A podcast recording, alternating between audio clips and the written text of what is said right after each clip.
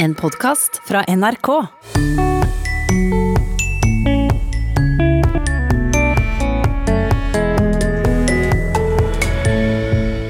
Har du en horisontal lederrolle, slik at du får utnytta ditt og andres kompetansepotensial? Tåkeprat. Får ikke håpe det er politikere som bruker sånne ord. Jo da, det er det, men hvorfor slik tåkeprat? Dette er jo bare tulleord. ikke sant? Det er skapt i en verden som opererer hinsides eh, den konkrete virkeligheten som f.eks. stat og kommune står i.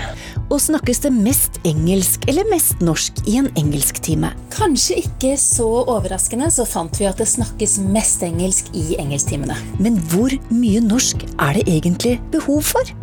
Vel møtt til Språkteigen. Hva betyr egentlig kompetansepotensial? Eller hva med ledelseskraft? tar en eh, ku, og så eh, lederku, og så Når du Det- koker den, så ja. får du sånn kraft, og det, Det er det, er, det, er, ledelseskraft. er. Ordentlig god kraft fra en leder. Ja. Ja, slik forklarer unger ordet ledelseskraft i en film som KS har laga om klarspråk. For det er fortsatt mye uforståelig språk i norske kommuner, sjøl om over 200 av dem nå jobber bevisst med klarspråk. Det vil si at de på et eller annet vis har satt i gang tiltak for å forbedre språket sitt. Men hvorfor bruker politikere og kommunedirektører slike ord? Er det bevisst? Er det for å pynte seg litt? Eller kan det være at de vil tilsløre noe? Kompetansepotensial. Det er altså Tåkeprat. Får ikke håpe det er politikere som bruker sånne ord. Jo, det er det. I kommunesektorens film Forstår folk hva du sier, prøver rådmenn eller kommunedirektører og ordførere å forklare ord som kompetansepotensial, horisontale lederroller, ledelseskraft og ressursorienterte holdninger. Ja, det er en pen måte å si at du er ganske dum. Helt ubegripelig langt, for å si det sånn. Det er ord som er henta fra reelle tekster. Anna Holm Vågsland, prosjektleder for Klart språk i kommunesektoren. Dette er jo bare tulleord. ikke sant? Det er skapt i en verden som opererer hinsides eh, den konkrete virkeligheten som f.eks. stat og kommune står i. Sier sosiolog ved NTNU Arve Gjelseth. Han har engasjert seg i konsulentspråket. Haug med ord og klisjeer som har en eller annen mening, men som fremstår som veldig diffust og bøyelig og um, prinsipielt uklart. Det er enkelte i forskningen som sier om andres argumenter at 'it's not clear enough to be wrong'. altså det er ikke det er ikke klart nok til å være galt, og det føler jeg ofte treffer denne, den måten å formulere seg på som, som disse miljøene bruker. Jeg har jo jobba noen år i byråkratiet og ser at sånne ord kommer og går. Og for ti år siden så snakka alle om utrulling, og hopper vi noen år fram, så skulle alt være robust. Og nå hører jeg ofte 'kan du ta det bilateralt' eller 'horisontal samhandling'. Sånn at det her er reelle ord, og de blir jo ofte veldig populære. De sprer seg veldig raskt. Og problemet med de ordene er jo at de ikke har en presis forklaring, og derfor er det veldig vanskelig å forstå dem, og vi forstår dem ganske ulikt også. Kanskje mer vanlig er det at vi ikke får noen bilder i hodet i det hele tatt, eller skjønner noe som helst av hva teksten egentlig betyr, og da sitter vi og føler oss ganske dumme. Vågsland sier tåkepraten også fører til økende eliteforakt, og at denne typen språk bidrar til avstand mellom det offentlige og innbyggerne, og dermed er en trussel for demokratiet vårt. Konsekvensen blir alvorlig. Så det språket her kan gjøre at kommuner og det offentlige det fører oss lenger vekk fra innbyggerne. Og det er jo deltakende og engasjerte innbyggere som er hele fundamentet egentlig for et levende demokrati. For det første så kan det jo brukes til å feie ting under teppet. altså man, man bruker det for å feie ting under teppet. For det andre så er det fremmedgjørende overfor de som jobber i organisasjoner som eksponeres for denne type språk. Det har vi sett eksempler på f.eks.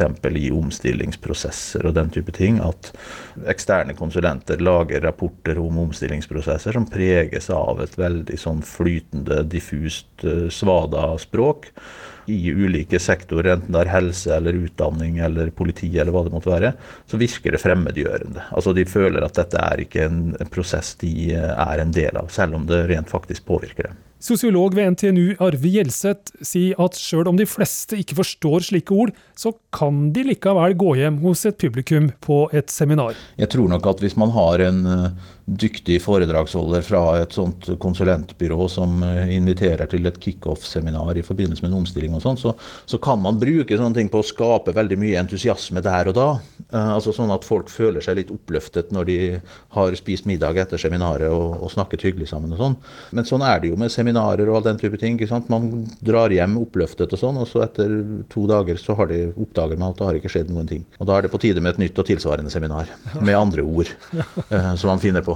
Sånn, så det blir jo en sånn runddans av ting og sånn. Og det er jo et sånn klarspråkprosjekt havner i den eh, i den tredemølla der at det ikke kommer til å kaste noe av seg. Men hvorfor har de, disse ordene fått lov å blomstre da, i kommunesektoren og det offentlige?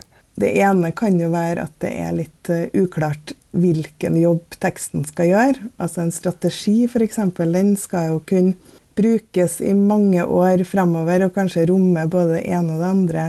Så det kan være at man bevisst er litt uklar. Og så det er jo nærliggende å tenke på at språk er makt, at det er et fjongt språk som man pynter seg litt med. Ethvert fagmiljø har jo sitt eget stammespråk som ikke er umiddelbart tilgjengelig for utenforstående, og som heller ikke trenger å være det. Eh, fordi stammer snakker jo ofte, kommuniserer jo ofte med hverandre. Selv så er jeg jo forsker og, og bruker jo også et språk som, som de fleste utenfor uh, ikke nødvendigvis forstår så godt. Men det er når det skal formidles til en større offentlighet at dette blir utfordrende. fordi det tar for gitt at andre kunnskapsmiljøer er fortrolig med det språket man selv har utviklet, som egentlig er ofte diffust, uklart, og ikke minst så er det av og til også tilslørende. Et ord som robust, f.eks. Det kan jo bety alt og ingenting, og det kan tilsløre konflikter og underliggende spenninger og sånn, sånn at det faktisk virker destruktivt også. Har du flere eksempler? Jeg ble jo veldig fascinert da man satte i gang den såkalte nærpolitireformen. Man skal kjenne sin George Orwell og begrepet om nytale for å ha mage til å redusere antall politidistrikter fra 27 til 12, og så kalle det nærpolitireformen. Og Det er i den formen at det blir på en måte sånn tilslørende. Fordi de som utvikler dette språket, er jo ofte også opptatt av omdømme og sånne ting. Av å sukre reformer på måter som gjør at det kan bli spiselig for befolkningen, og som da finner på ord som skal på en måte tilsløre hva det egentlig er snakk om. Konsekvensen er jo enkel. Det er færre som forstår. Men vi skaper jo egentlig bare en distanse. Og vi ønsker å snakke med innbyggerne. Og da må vi tilpasse oss det språket. Når ikke engang byråkrater og politikere, sosiologer og språkeksperter som er født og oppvokst her i landet, forstår orda, hva da med alle de som ikke ikke er etnisk norske. Da jeg satt eh, på et foreldremøte, og der var nesten halvparten av dem har ikke norsk som morsmål, og da snakka lærerne om konkreter, de snakka om meningsbærende ord og læringsstøttende vegg.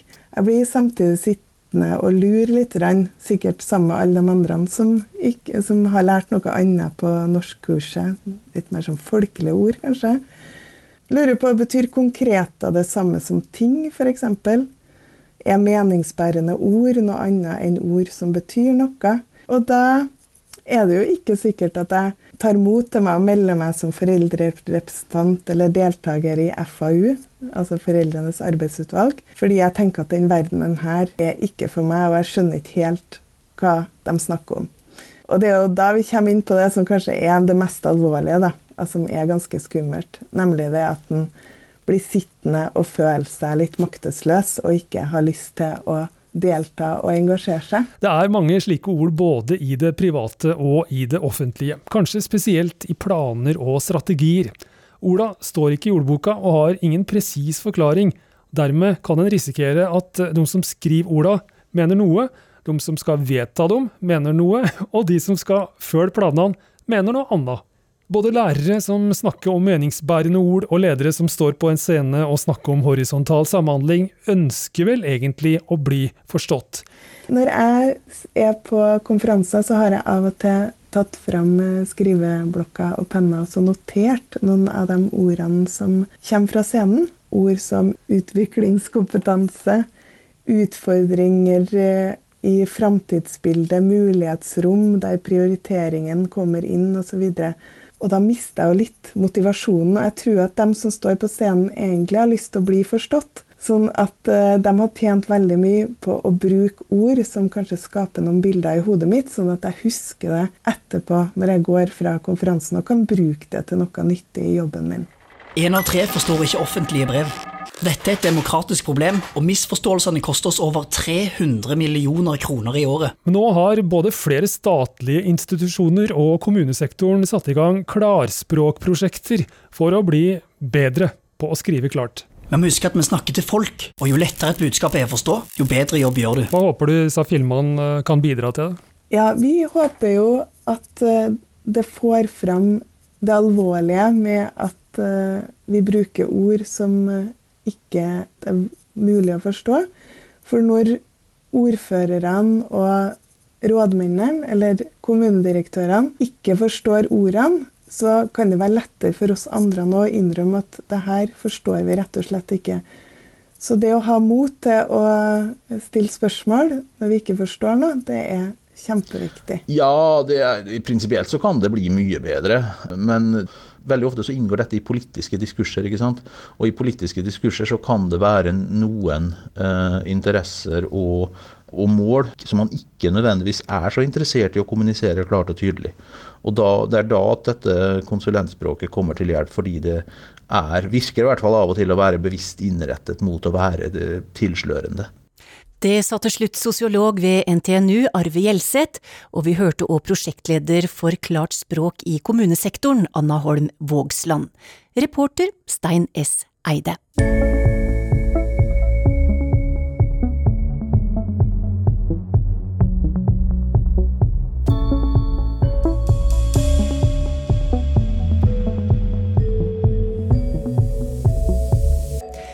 Hvor mye engelsk prates det i en engelsktime på ungdomsskolen?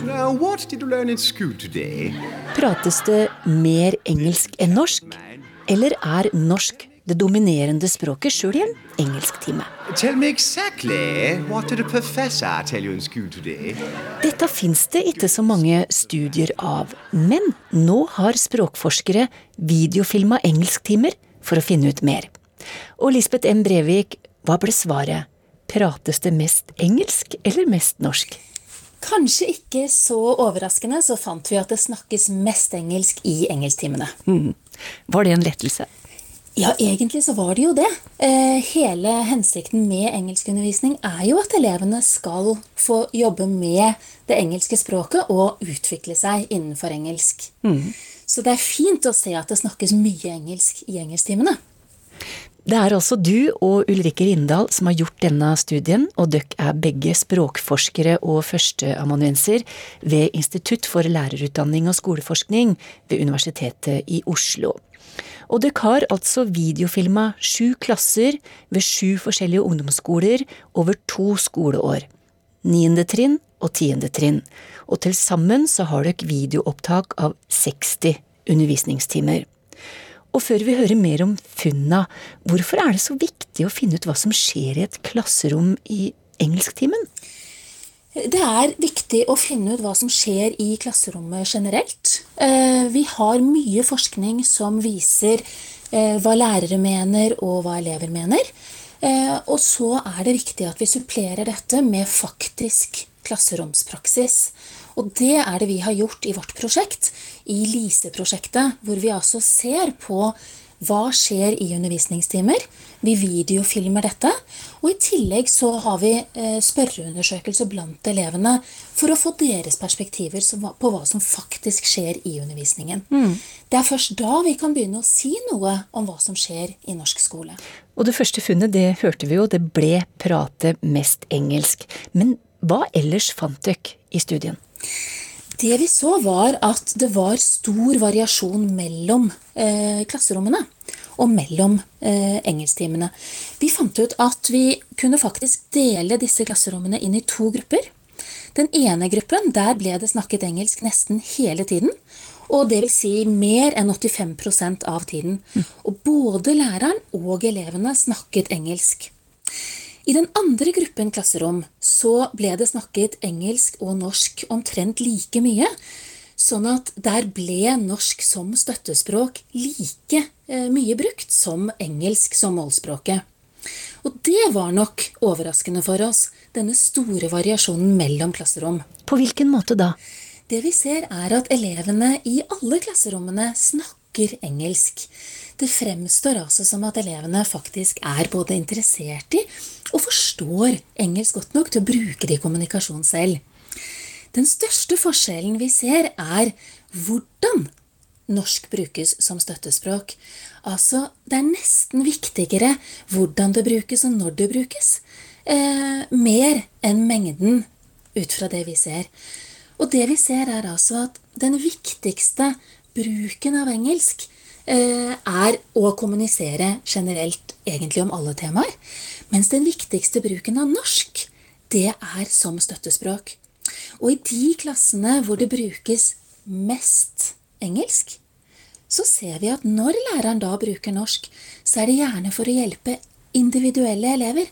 Det er i samtale med elever når læreren f.eks. går rundt i klasserommet, hvor læreren spør har dere forstått dette, eller hvor elevene selv stiller spørsmål om ting de ikke har forstått. Mm. Og det er en veldig spennende og god bruk av norsk som støttespråk. I de klasserommene hvor det snakkes like mye norsk og engelsk, så ser vi at norsk brukes også som undervisningsspråk i helklasse. Der brukes norsk på spesielle temaer, f.eks. grammatikk. Altså, der er det en praksis hvor man slår over til norsk for å snakke om spesielle temaer. Kanskje det vi også kan snakke om som et metaspråk, altså det å snakke om språket, som man f.eks. gjør i grammatikkundervisning. Mm. Da brukes det mye norsk, og det brukes i lange strekk av gangen. Så dere ser da en forskjell i hvordan lærere velger å bruke norsk som en hjelp i undervisninga, men hva sier elever sjøl da om den forskjellen? Dette er kanskje et av de mest spennende funnene vi har. At elevene, når vi spør elevene om eh, lærerens bruk av norsk, så sier alle elevene, altså i alle disse klasserommene, at når læreren bruker norsk, så er det til hjelp for at vi skal forstå. Mm. Og det interessante er altså at elevene i de klasserommene hvor det snakkes lite norsk, er like fornøyd med lærerens bruk av norsk som elevene i de klasserommene hvor det snakkes mye norsk. Så elevene ser på det som en språklig støtte uavhengig av mengde, ser det ut som. Dere har ikke sett på elever sine faktiske karakterer i de samme klasserommene, men ser dere noen store forskjeller i videomaterialet på elevene sine engelskkunnskaper? Eh, det vi ser når vi observerer disse videotimene, er at det er ingenting som tyder på at, elevene, eh, at det er stor forskjell på elevenes kompetanse i engelsk i de klasserommene hvor det snakkes mye norsk, og der hvor det snakkes mindre norsk. Elevene i alle disse klasserommene deltar mye, og de fleste elevene deltar i å, å bruke engelsk selv. Men det vi ser, det er betydningen av læreren som rollemodell. Fordi når læreren snakker norsk, så svarer også elevene på norsk. Mm. Faktisk, i alle disse 60 timene så er det kun ett eneste eksempel hvor en elev svarer på engelsk, selv om læreren snakker norsk. Har du noen råd du vil gi til engelsklærere ut fra dette, da? Det er fristende å foreslå at eh, lærerne kan prøve å bruke engelsk eh, i større grad, men samtidig altså være veldig bevisst på å bruke norsk som et støttespråk ut ifra elevenes behov. Og da er det Det kan være fristende å foreslå ting som at lærerne kan gjerne prøve å starte timen på engelsk, f.eks. For, eksempel. for det ser vi gjennomgående at veldig ofte så startes timene på norsk. Og hvis vi tenker på hvordan altså Hele hovedmålet med å lære seg engelsk er jo å kunne kommunisere i både planlagte og spontane situasjoner, også utenfor klasserommet. Og da er det jo sånn at vi må kunne bruke engelsk og norsk om hverandre. Og vi må også kunne bruke engelsk til ikke-faglig kommunikasjon. Mm. Og det ser vi ikke så veldig mye av i klasserommet. Den ikke-faglige kommunikasjonen foregår faktisk hovedsakelig på norsk. Som å gi beskjeder om ting som skal skje dagen etter, eller gi beskjeder om Eh, altså hva som skal skje i klasserommet hvis elevene skal flytte seg i grupper. Sånne rent praktiske beskjeder. Så derre smalltalken, som det så fint heter, den kan gjerne gjøres på engelsk? Ja, når vi ser i de klasserommene hvor den gjøres på engelsk, så fremstår den som veldig naturlig. Jeg er faktisk ganske imponert over alle de lærerne vi har filmet. De har god engelsk uttale. De bytter spontant mellom norsk og engelsk når det er behov for det. Og de ser altså ut til å kunne snakke om en stor bredde av temaer på engelsk. Så mitt inntrykk er egentlig at når det brukes mye norsk, så handler det mer om at læreren tror at elevene har behov for å få visse ting på norsk. Det sa Lisbeth M. Brevik, som sammen med Ulrikke Rindal har gjort en studie av hvordan engelskundervisning foregår. Og det var Eddie Scholler som praktiserte litt engelsk helt i starten av saken.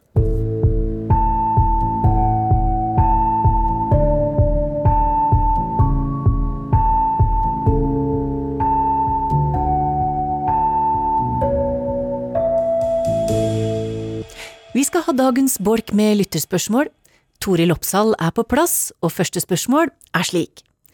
Vi hører ofte at noen er en kløpper til noe, som for eksempel han er en kløpper til å spille poker, kløpper til å stupe, eller en kløpper til å mekke bil.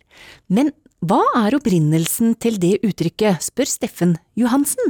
Dette her er Det er verbet klippe, på, på sett og vis, som en gang i tida var også en betegnelse på en person, altså en personbenevnelse på en som skjærer til og tilpasser tøy og stoff, og er god på det.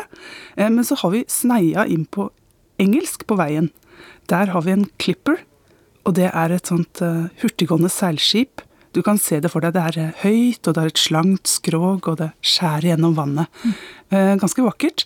Og når det også er en god klipper, så er du også flink til å skjære gjennom og, og, utføre ting på en god måte. Mm. Og en kløpper, det er jo en person som er svært dyktig til et eller annet. Å bruke en kløpper om en som er god, det er kjent fra hvert fall slutten av 1800-tallet av, og kanskje enda lenger enn det, fordi det er utbredt. Og det finnes mange lokale dialektvarianter. Vi hører både klipper og klepper og kløpper og klipper, og, og også tonem 1 og 2, altså både kløpper og kløpper. Eh, og der er det nok denne engelske klipperen som har vært innom og, og påvirka uttalen lite grann. Eh, så dette her er nok en personbenevnelse på en klipper som har fått litt hjelp og støtte av en klipper. så, så, så, så, ganske konkret, i hvert fall billedlig. Jeg, jeg, ser for meg at dette her går veldig bra når, den, når vi skjærer gjennom og er gode på noe. Hmm. Men det andre ordet Steffen Johansen lurer på, det er pal. Som å ligge pal i sola, f.eks. Ja. Hva er opprinnelsen til det? Da skal vi faktisk til nederlandsk.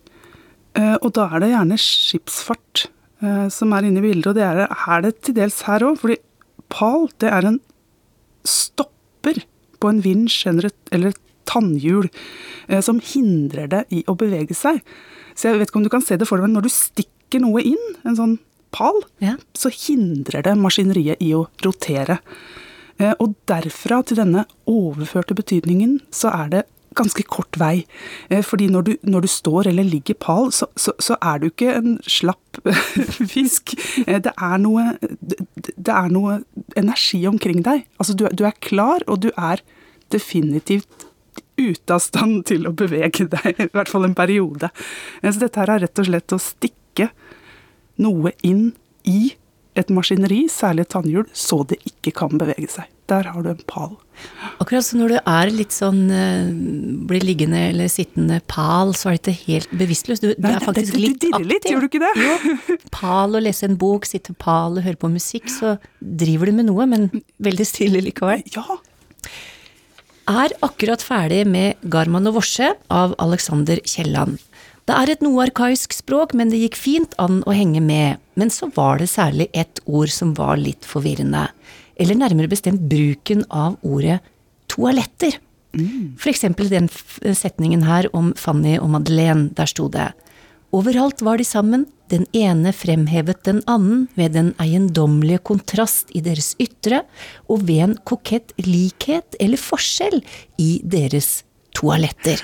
Ja, her er det jo uh, artig å se for seg at de nettopp har hatt oppussing på, på WC. Uh, ja, toalett er jo Det er jo mange som ser for seg, vil jeg tro, enten et klosett eller et rom der hvor du har WC eller do. Mm -hmm. men toalett har flere betydninger. Altså Ordet i seg selv, det kan vi nesten høre at det er et diminutivt, altså et forminskende ord, når det slutter på lett på denne måten. Og utgangsordet, det er toal, som du hører er fransk, og det betyr lerret eller duk. Oh. Sånn at og, og, denne duken var gjerne på toalettbord, altså inne på dette rommet.